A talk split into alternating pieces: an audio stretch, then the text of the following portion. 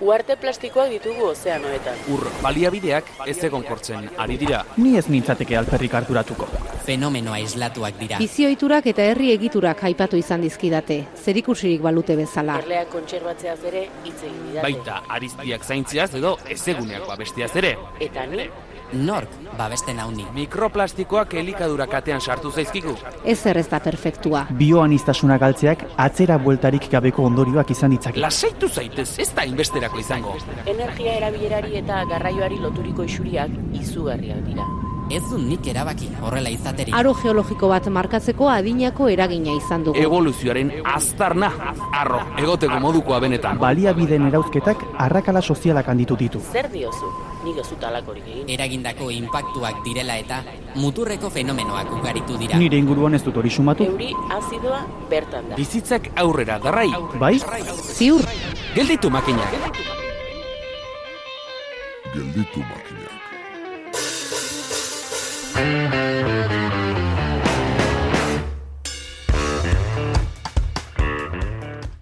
Ez omen dago txoriak baino kantari oberik entzuten dakienarentzat eta era berean buruan txoriak dituena ameslari inozentea da. Zer esanik ez, txori burua bada.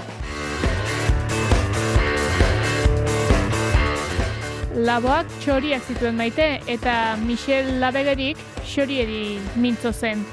Bueltan bueltan egia izango da xoriz inguratuta bizi garela.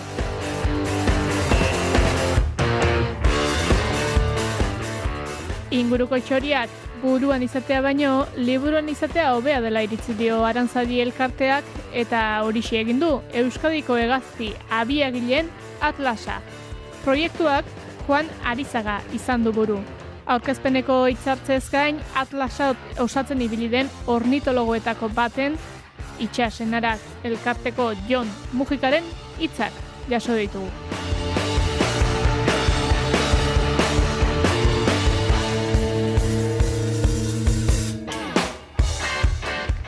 Bestalde, ongi dakizue gelditu makinak saioak pieza ugari dituela eta laugarren denboraldi honetan estrainatuko denari harrera egingo diogu. Dornako lantz dugu kolaboratzaile, BDS Kop eraldaketa fabrikako kidea eta gogo eta dakarkigu kontsumo gizartearen eta kontsumo elkarteen gainean.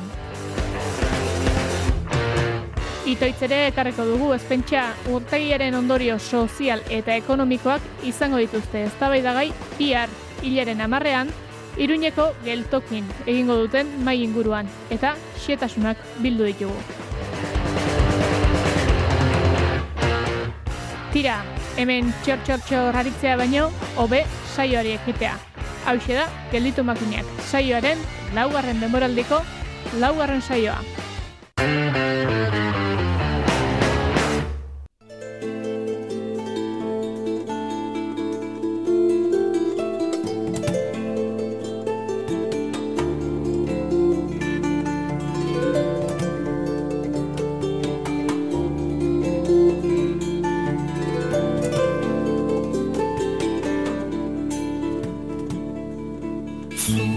Aitak eta amak Zutenean jakin Amodiotan ginela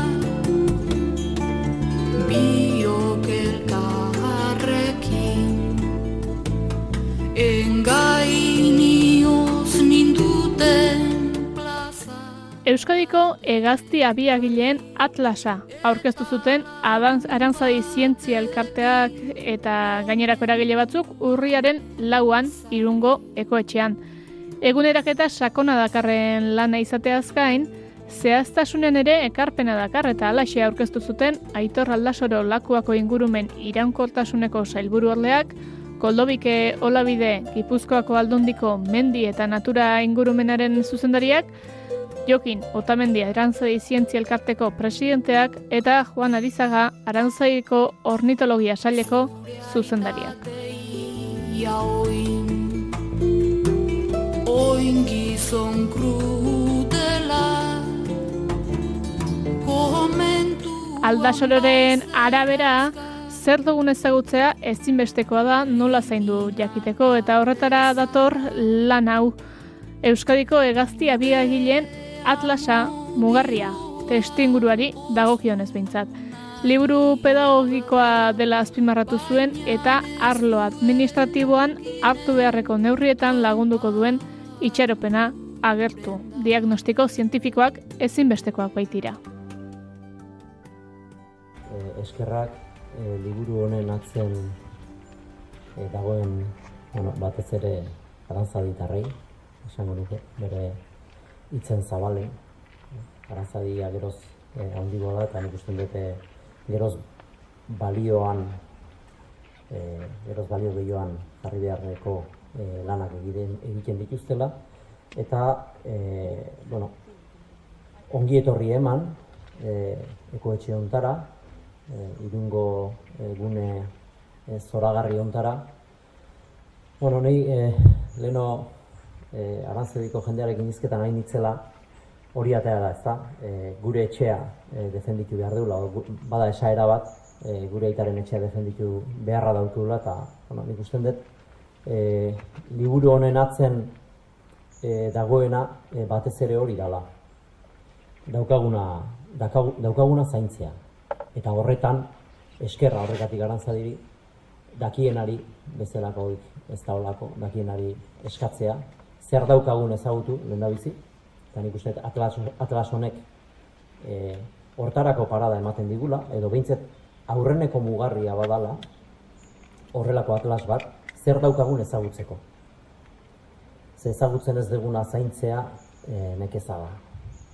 Eta nik usten dut, horrekatik diot lehenengo mugarria dala, ze lehenengo mugarriak inasi eta hau garai bateko guk etxean ezagutu genituen e, enziklopedi guztiak bezala e, armariotan eta arotzei lana emateko bakarrik balio baldin badu e, ez dugu lana osotasunean egin. Lana nik usten dut irakurtzeko edo ikusteko aukera eduki dut eta lana izugarria da. Eta nik uste alde batetik e, alde pedagogiko hori e, beharra daukagula, hau da hasiera, hau da oinarria, diagnosi e, zehatza da, zer esanik ez administrazioarentzat egiten ditugun hainbat e, ikerketa txosten edo edo kudeak eta plan e, gure etorkizuna nundik nahi dugun, zer babestu nahi dugun, e, azpimarratzen dugunean, e, ezinbestekoa dalako e, diagnostikoen bat eukitzea, eta, eta nik uste liburu honek e, horri e, zehatz eta zorroztasunez erantzuten diola. Kontuan hartu behar dugu, gaur hemen gaude ez da kasualidadea, e, txingudi bezalako e, inguru zoragarri hontan baditugu gehiago, e, e, erkidegoan eguneko hogeita irua da babestuta daukagun gunea, baino e, babeste hori ez da e, alitzia e, lortzen dan zerbait. Hemen e, balantzaren beste aldean ezinbestekoa dan e, garapena dago. Nola uztartu bata bestearekin. Nik usten dut gizarte bezala daukagun e, erronkarik garrantzitsuena e, onuntza ekarri gaitun e, oreka hori mantentzea dela. Ahaztu gabe ezin dugu balantza bakarrik alde batea jo. Ezin dugu, ez digu ezertako balio e, garapen giza garapenik ez baldin bada e, garapen e, ekonomiko bat egoteak. Ez dugu ezertako balio.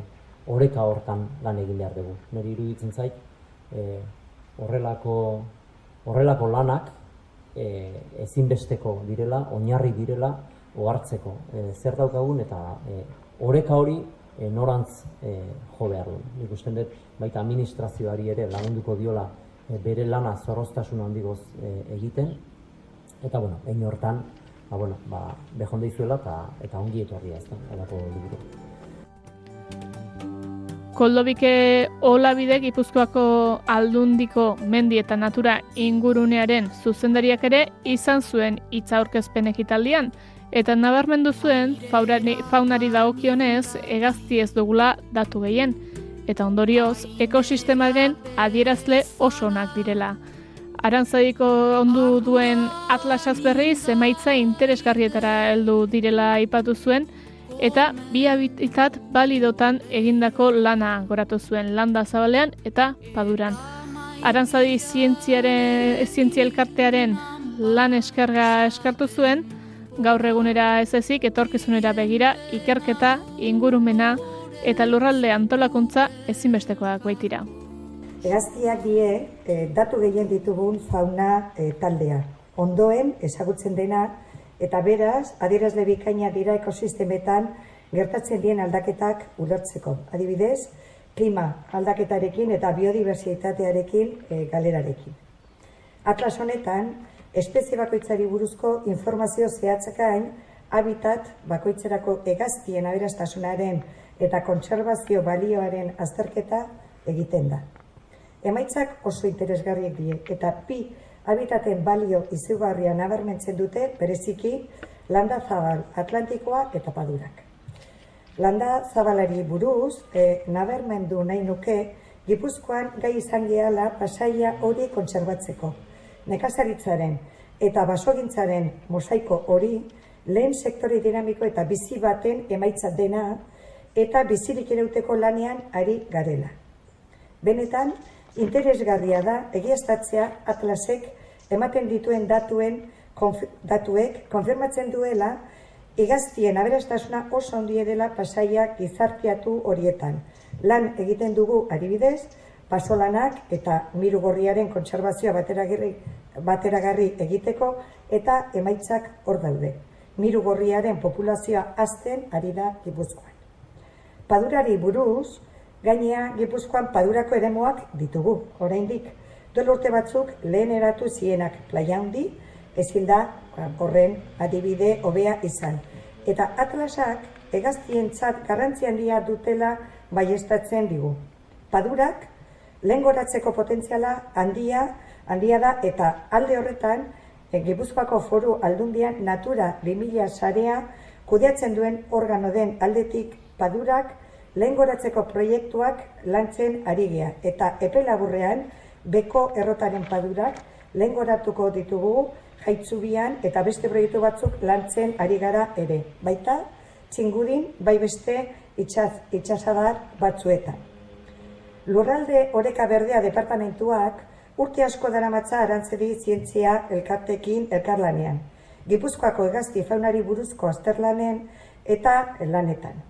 Nabarmentzekoa da arantzadi erantzun estazioa estatuko lehen estazioa mantentzeko urteak daramatzala. Berrogeita hamar urteko hamarkadaz geroztik egazti espezie migraziori buruzko informazioa kalkula ezina ematen.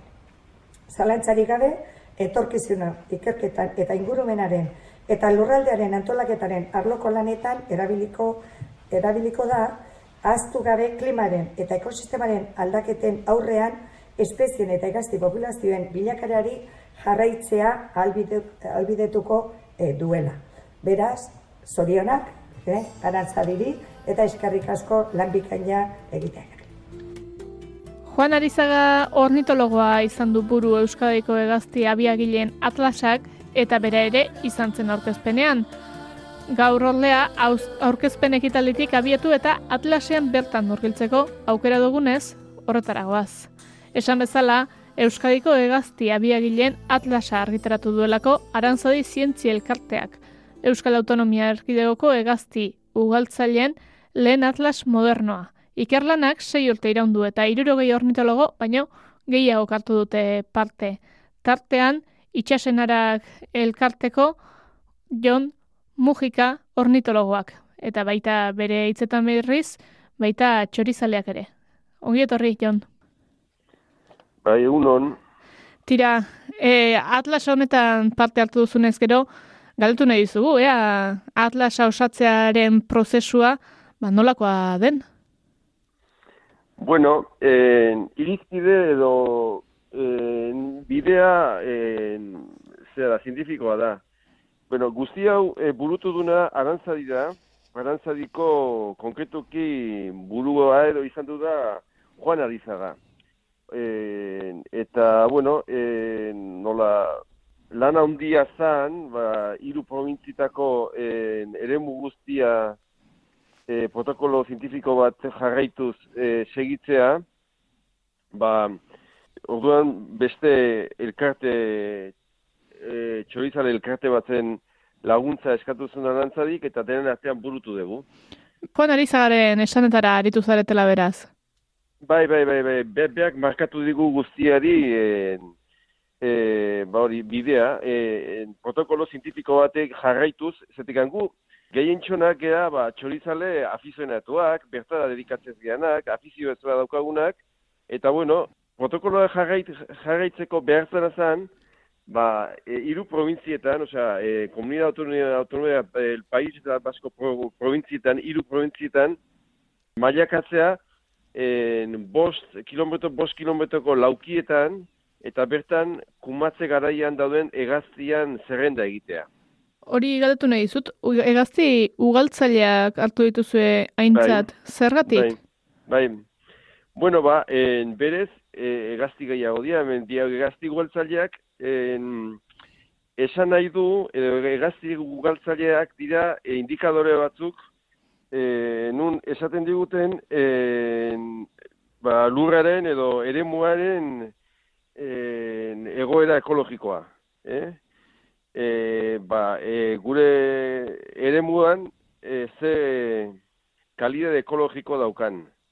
E, ez da berdina, pagari bat edo aristi bat, edo eukaliptu bat, edo la, Lawson Cypress plantazio bat. Osea, en, e, o, bidea hori da, jakin zer dagon eta en, hobetzera edo okertzera di joan. Ez, zetik, Mhm. aurretiko egin zan atlasa hagoin dela hogei urteo bada, Bai, egin zan Gipuzkoako atlasa, hartan beste irizpide batzuk, zientifiko batzuk gintzian. Hamar kilometro, o bide hamar kilometroko eta esparruak hartzen ziren. Oain kontan erdira jetxi da. Osa, bost kilometro, bost kilometro, lan lana duplikatu egin da. bai. Afinatu egin dugu edo zeatu egin dugu. Eh? Lau aldiz gehiago izango eh, litzake, eh? Lau aldiz, eh, bai, hori da, Bai. hori da, hori da, hori da. Eta, en, bueno, ba, orduan, ba, gehiago, eh, eh, argazkia pixel, pixel gehiagokin atea dugu. Eh? Eman dezagun, eh, nik adibidez, eh, proie- eh, zera, protokolo horrela zan, ematen dirate, ba, kuadrikula batzuk, ez dakit bi edo hiru kuadrikula eman zizkidaten, Gipuzkoa herrialdean. Orduan, egin behar dira, egun jakin batzutan, bisita batzuk, eta rekorrido batzuk e, barruti horren barruan. Hmm. E, txoriak entzuten, txorian kantuak, otako, jaro, bereizi behar dira, zekan txoriak ez dira ikusten, denak, batzuk entzun besteik ez dira egiten. Orduan, txoriak entzun, txoriak ikusi, eta e, ba, egin ba, bide bat egin, rekorridoan barruan, eta rekorridotan, ze txori ikusi dian, ugaltze garaian noski, eh? An- Eta horrekin batatzen da, ba, en, zea bat, en, imagin bat, ba, kuadrikula hortan, bos bider bos kuadrikula hortan, dagon e, e, egazti kumagile kopurua. Sei urtetan zehar, eremu berlinera egin duzu bisitak. Hori da. Ongi. E, ze- sei urte ez, gutxiago, uste bi urte zirela, eh? Zuek bi urtetan. Me. bai, bai, bai. Bueno, lan gutxiago beraz. Eta bai aipatu duzu, bereizgarri bezala, bost bider, bost kilometroko azterguneak izan dituzuela, Bai. eta esan dugu hori lau aldiz zehatzago dela, baita ere aipatu dugu aurreko atlasa duela, hogei urtekoa zela, gipuzkoako atlasa Bai. deiturikoa. Bai. Bazuen beraz e, eguneratzeko premia? Bai, egureratzeko premia, zergatikan, e, batetikan, e, egaztien ezaguza, ba, urtea betan, e, ugaritu eginda, eta nik uste, e, garai hartan baino ornitologo kupulo handigoa da hola, Gipuzkoan, eta e, Euskal Herrian, eh, oro- orokorrean. Hmm. Eta orduan, ba hori, e, gero, ba ikusi behar da, urtea betan ze aldaketa izan du dira, adibidez nik ja iruroi urte bete ditut, eta ni hontan hasi nitzanean, ba, e, egazti gehientsunak tirokatu egiten ziren. E, eta gaur egun babestuta daude, eta babesteak e, ba, ugaltzea esan nahi du. Baina hemen debate, debate badago, zetekan debatea da, zenbateraino en, atlas hontan, batetik besterako atlas, atlasean, en, azaltzen dan, o azaldu dan, e, lurraren e, en, hobekuntza edo egaztien babestea. Horre honek izan nahi dut. Egon leike ere, eremu bat oso egoera ekologiko honean, baina egazti guztiak tirokatzea. Ulertzen? Bai. Eta oain, e, ba, batetikan egaztia babestu egin dira. Delitoa da egazti askori ti- tiroa e, botatzea.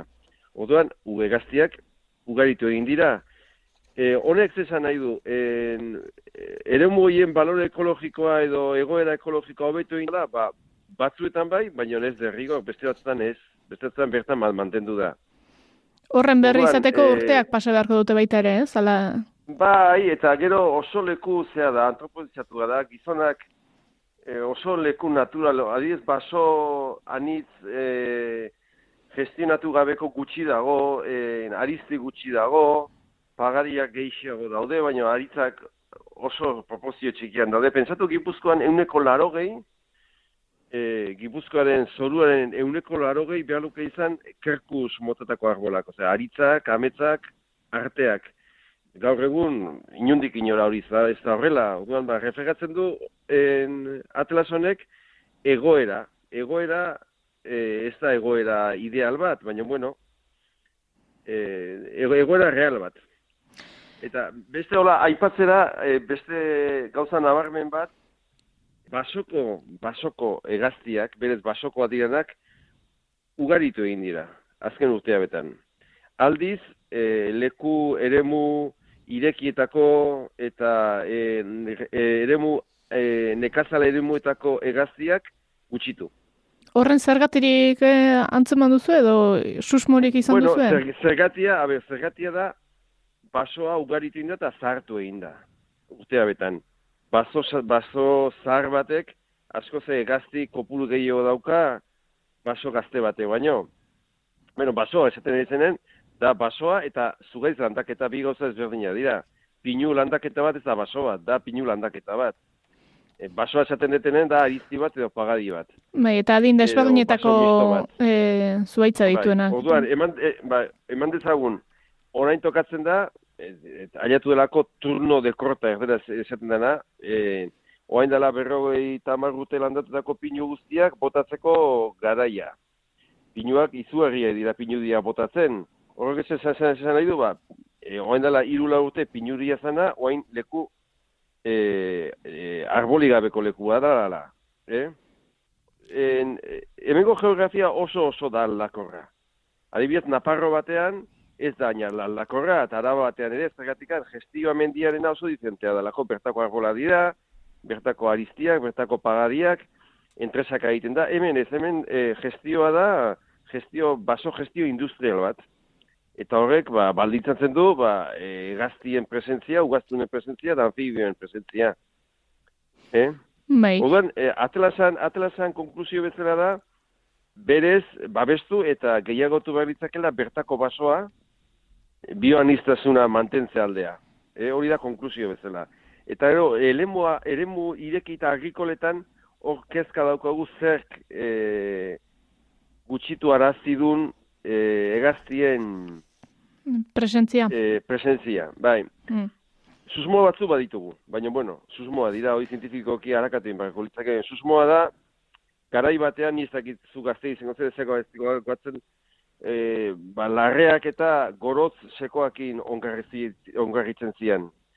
Eoten zian, ba, zimaur pilak eta e, eskuz, e, barri jaten zen zimaurra gaur egun, e, mangeatu egiten da. Osea, e, silo batzutan gordetzen da pixa eta behien zimaurra eta gero presiopean mangera batzukin, ba, o, o, susmoa daukagu hori izan litekera eragile bezala, ba, insekto eta mikromamifero eta reptil txiki asko desagertzearena.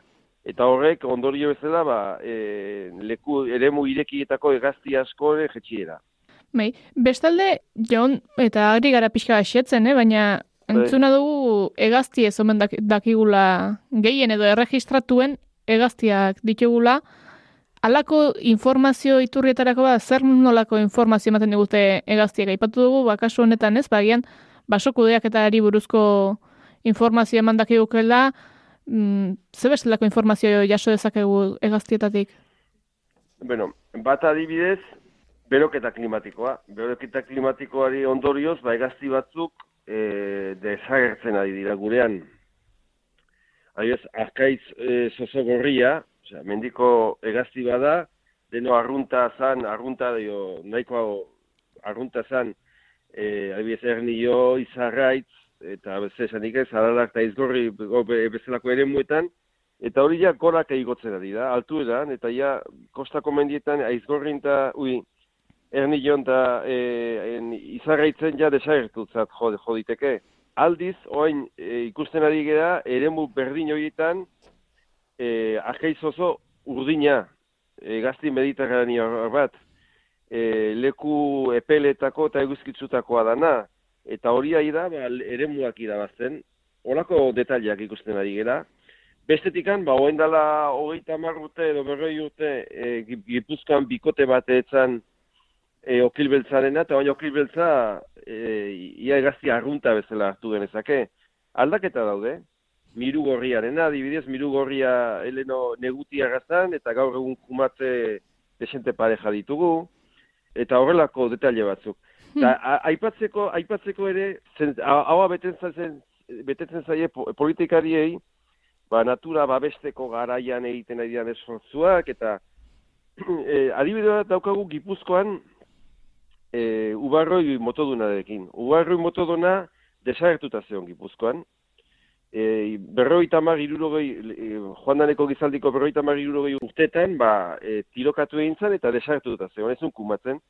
Ba, oain dela hogei urte, e, itzuli egin da. Berriz ja, kumatze kolonia ditugu. Ba, San Antonen, Getarin, Ulian, Donostin, Igeldon, e, jaizkibelen e, beste bikote batzu ditugu.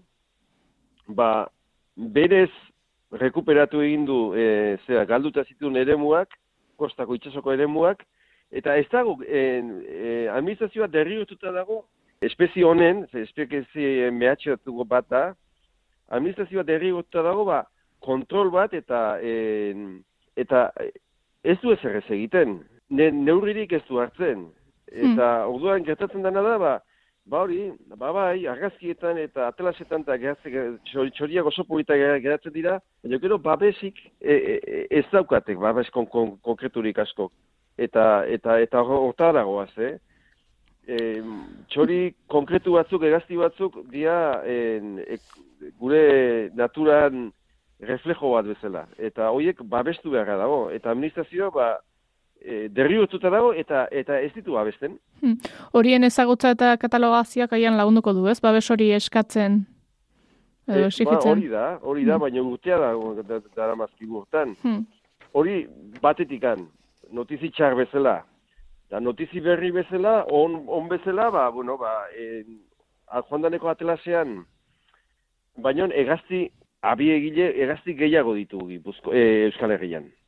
Da, leheno, desagertuta zeuden espeziak, ba, itzuli egin dira. Itzuli egin dira. Eta hori notizion bezala, baina esate dizut, eh? Administrazioan aldetikan, ez dugu ikusten, e, gazti, ni, ni buzkoa zain naiz, e, adibidez, e, ugarroi motoduna itzeiten ari ganean, ba, plan berezi bat behar luke, derriututa dauka plan berezi bat. Plan berezi bat da, ba, urtero segizio batekin, kamiak, e, kabiak e, kontrolatu, ekintza txar batzuk, kabi inguruko ekintza txar batzuk e, galazi, adibidez lanperna biltzea, arrantza, sareak kostatik angertu jartzea, da, guzti hori ez da, e- ez da betetzen. Ez da betetzen. Bueno, ba, eskerrik asko, Jon Mujika, aldako azalpenak emateagatik, bai e, Atlasaren berri ekartzegatik eta baita irakurketa hauek egiteagatik. Jakin, jakin badakizkigu batzuk, baina, bueno, behin eta berri zentzuteak ere kalterik ez. Hori da, hori da. Eta, notizi ona daude eta no, no, notizi konklusio onak eta konklusio ezain onak. bueno, ongi dago. Hori da, Garaipentxoak eta hartu beharreko neurrien agerpena ere. Hori da, hori da, hori da, hori da, hori da. Ba, esan dakoa, Arantzadi Zientzia Elkarteak ateratako Atlas berria, Euskadiko egazti abiagileen Atlasa, Juan Arizaga izan du ba, bidari nagusi, baina bueno, tartean bestein bat ornitologo kartu dute parte, eta Hori da. tartean, zer horrek Jon Mujikak itxasenara elkarteko kideak. Ba, eskerrik asko Hori da. gurean izateagatik. Bale, bazuei, eskerrik asko. Gelditu makinak.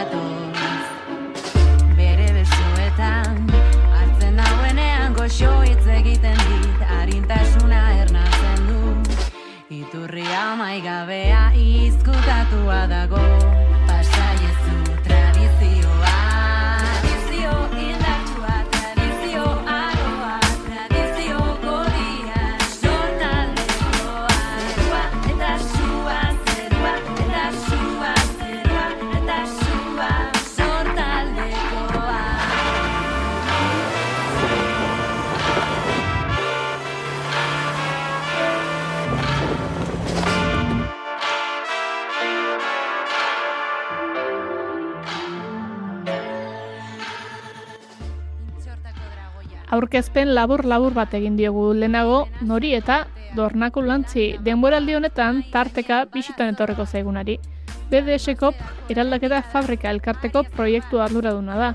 Hain zuzen ere, B bidasoako ekonomia sozial eraldatzailea eta lekuko garapena sustatzen duen elkartea da BDS eraldaketa fabrika ingurumena errespetatuko duen ekintzalitza arduratsua bultzatzeko asmoa duena. Hori bai, hori guztia pertsonak erdiunean jarriz eskualdeko bizitza hobetzeko. Gaurko atalerako lantzek gogoeta bat dakarkigu kontsumo gizarteaz eta kontsumo elkarteaz. Entzun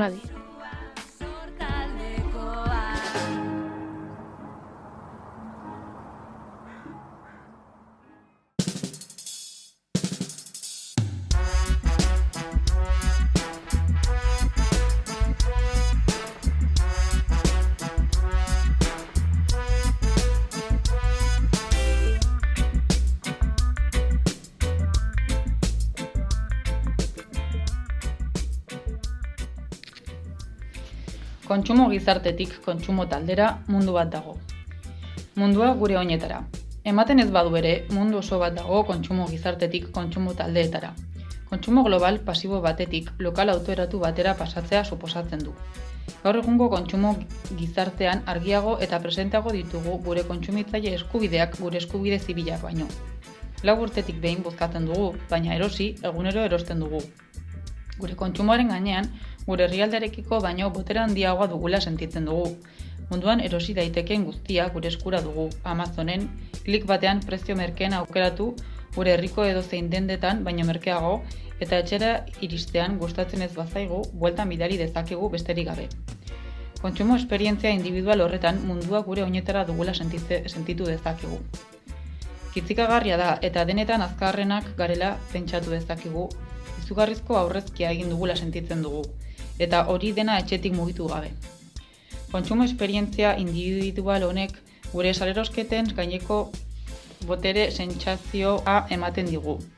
Egia da egungo merkatuan eskariaren presioa hots kontsumitzaiona handia dela eta globalizatutako munduan ekoizpen kostu oso txikiak lortzen direla.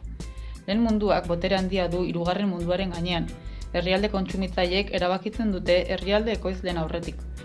Postkolonialismo honetan Ipar Amerikak eta Europak, Asia, Afrika eta Hego Amerikako ekonomia gogorki baldintzatzen jarraitzen du. Kontsumitzaileak badu boterea egia da, baina gauza da zer egingo dugun botere horrekin. Superheroiek dioten moduan, boterea, botere handi batek ardura handi bat eskatzen du. Kontsumo boterea. Kontsumo taldea kontsumismotik kontsumo arduratsura pasatzeko tresna bat da. Kontsumo taldeak edo erosketa kolektiboak kontsumo botere individuala batzen du. Kontsumo botere handiago bat sortuz. Kontsumo gizartearen lebiatan demokratiko moduko bat da.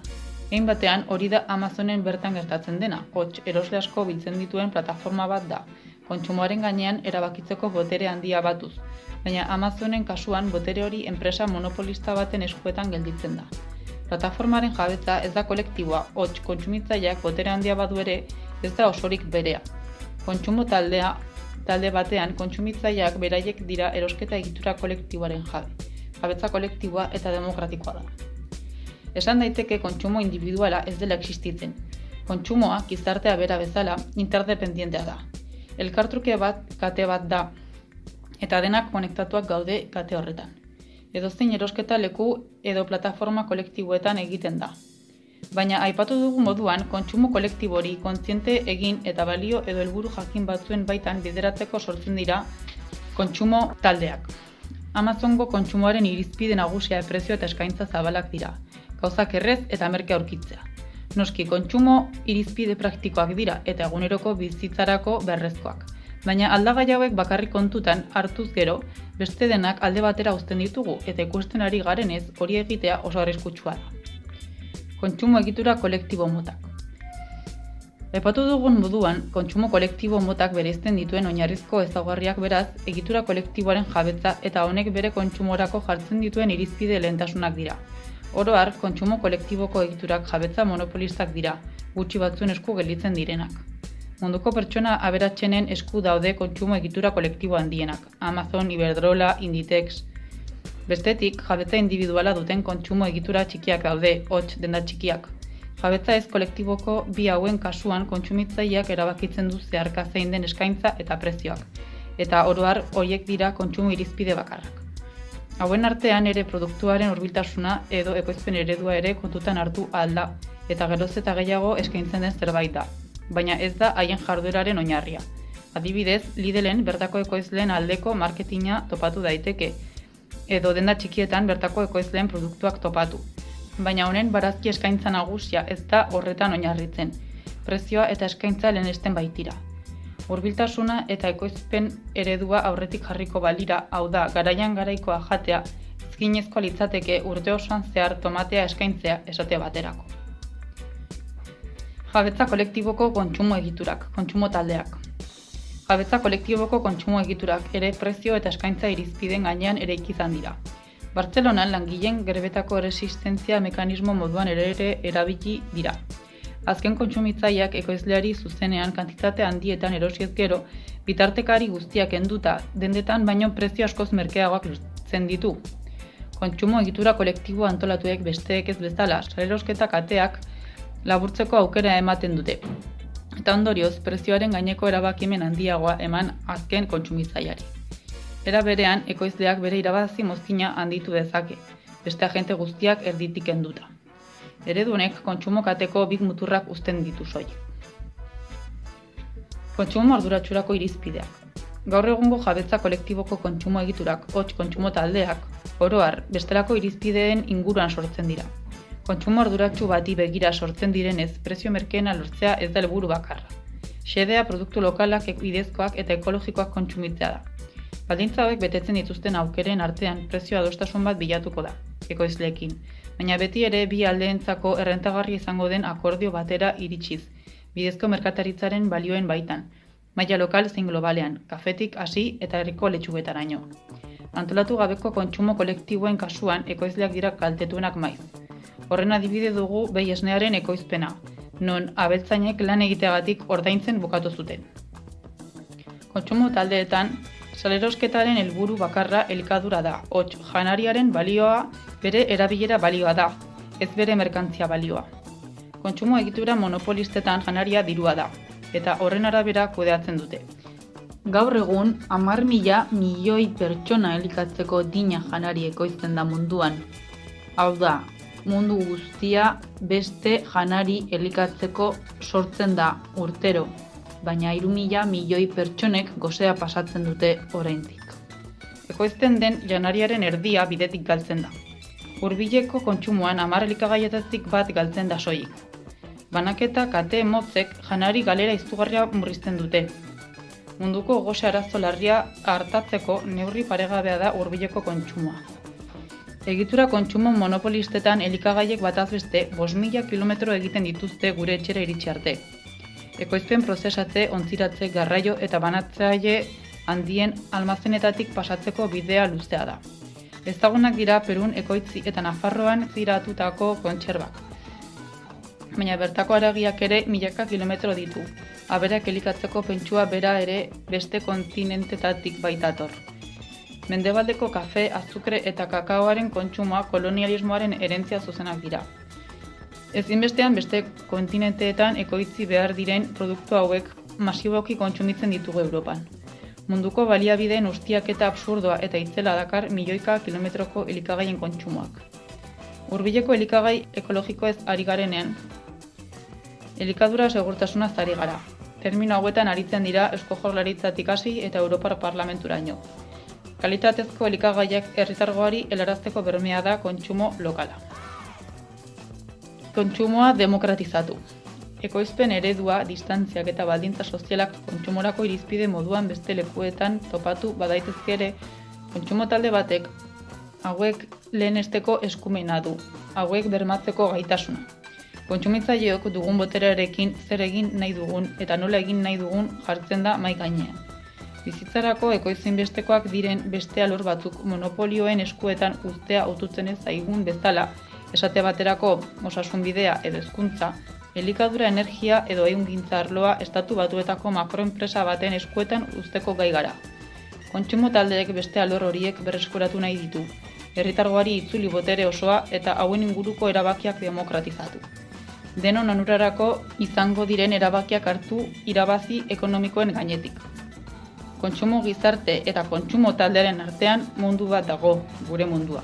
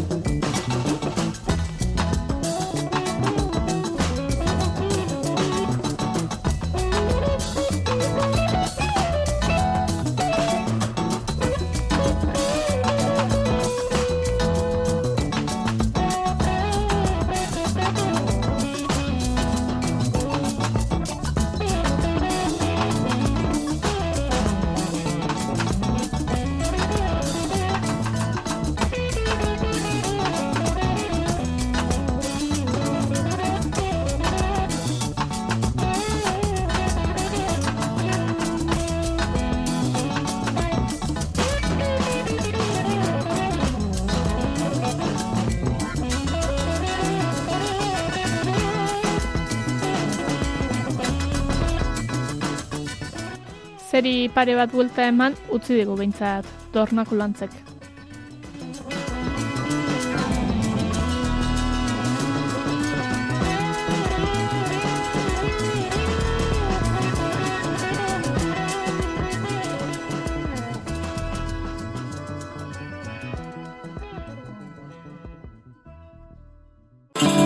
Gelditu makinak, naiz irratian, Eli Pagolarekin.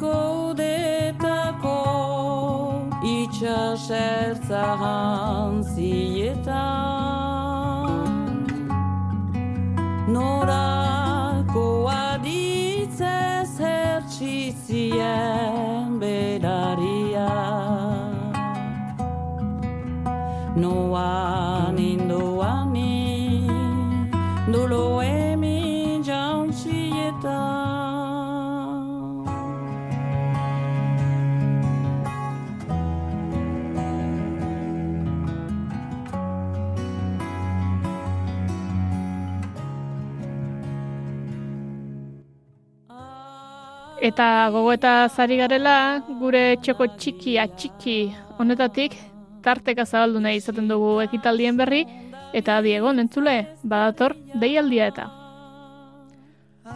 Urriaren amarrean, aste artean, astelen ez entzuten ari bazarete bihar, eta errepikapena da, ba, lastima, pasa izango da eta. Tira, urriaren amarrean, aste artean, itoitz, atzo eta gaur. Mai ingurua antolatu dute arratsaldeko zazpietan iruñeko geltokin. Urtagiaren aurkako borroka luzea izan zen eta askok xetasun oso zoroitzen badute ere, denbora, denbora da, eta hogei urte pasa dira ordutik alajaina. Itoitzen kasua ez da isolatu ordea, eta ezin da bere horretan bakarrik ulertu horregatik, megaproiektu honetatik badago zer oroitu, zer irakurketa egin, eta zer ikasgai atera. Mai bueltan aztergai izango dute itoizko urtegiaren aurka egindako borroka eta aztertuko dira urtegiak eta Nafarroako bideak utzitako ondorio ekonomiko eta sozialak. Izlarira lanetan izango dira Julia Ibarra, Urbizi elkarteko kidea, Julio Villanueva, Itoizegiko Solidarioak taldeko kidea, eta Txaro Brinkis, Itoitz 2012 analisi ekonomiko bat ikerketaren egilea. Moderatzaile lanetan berriz, gaizka aranguren kazetaria, hariko da.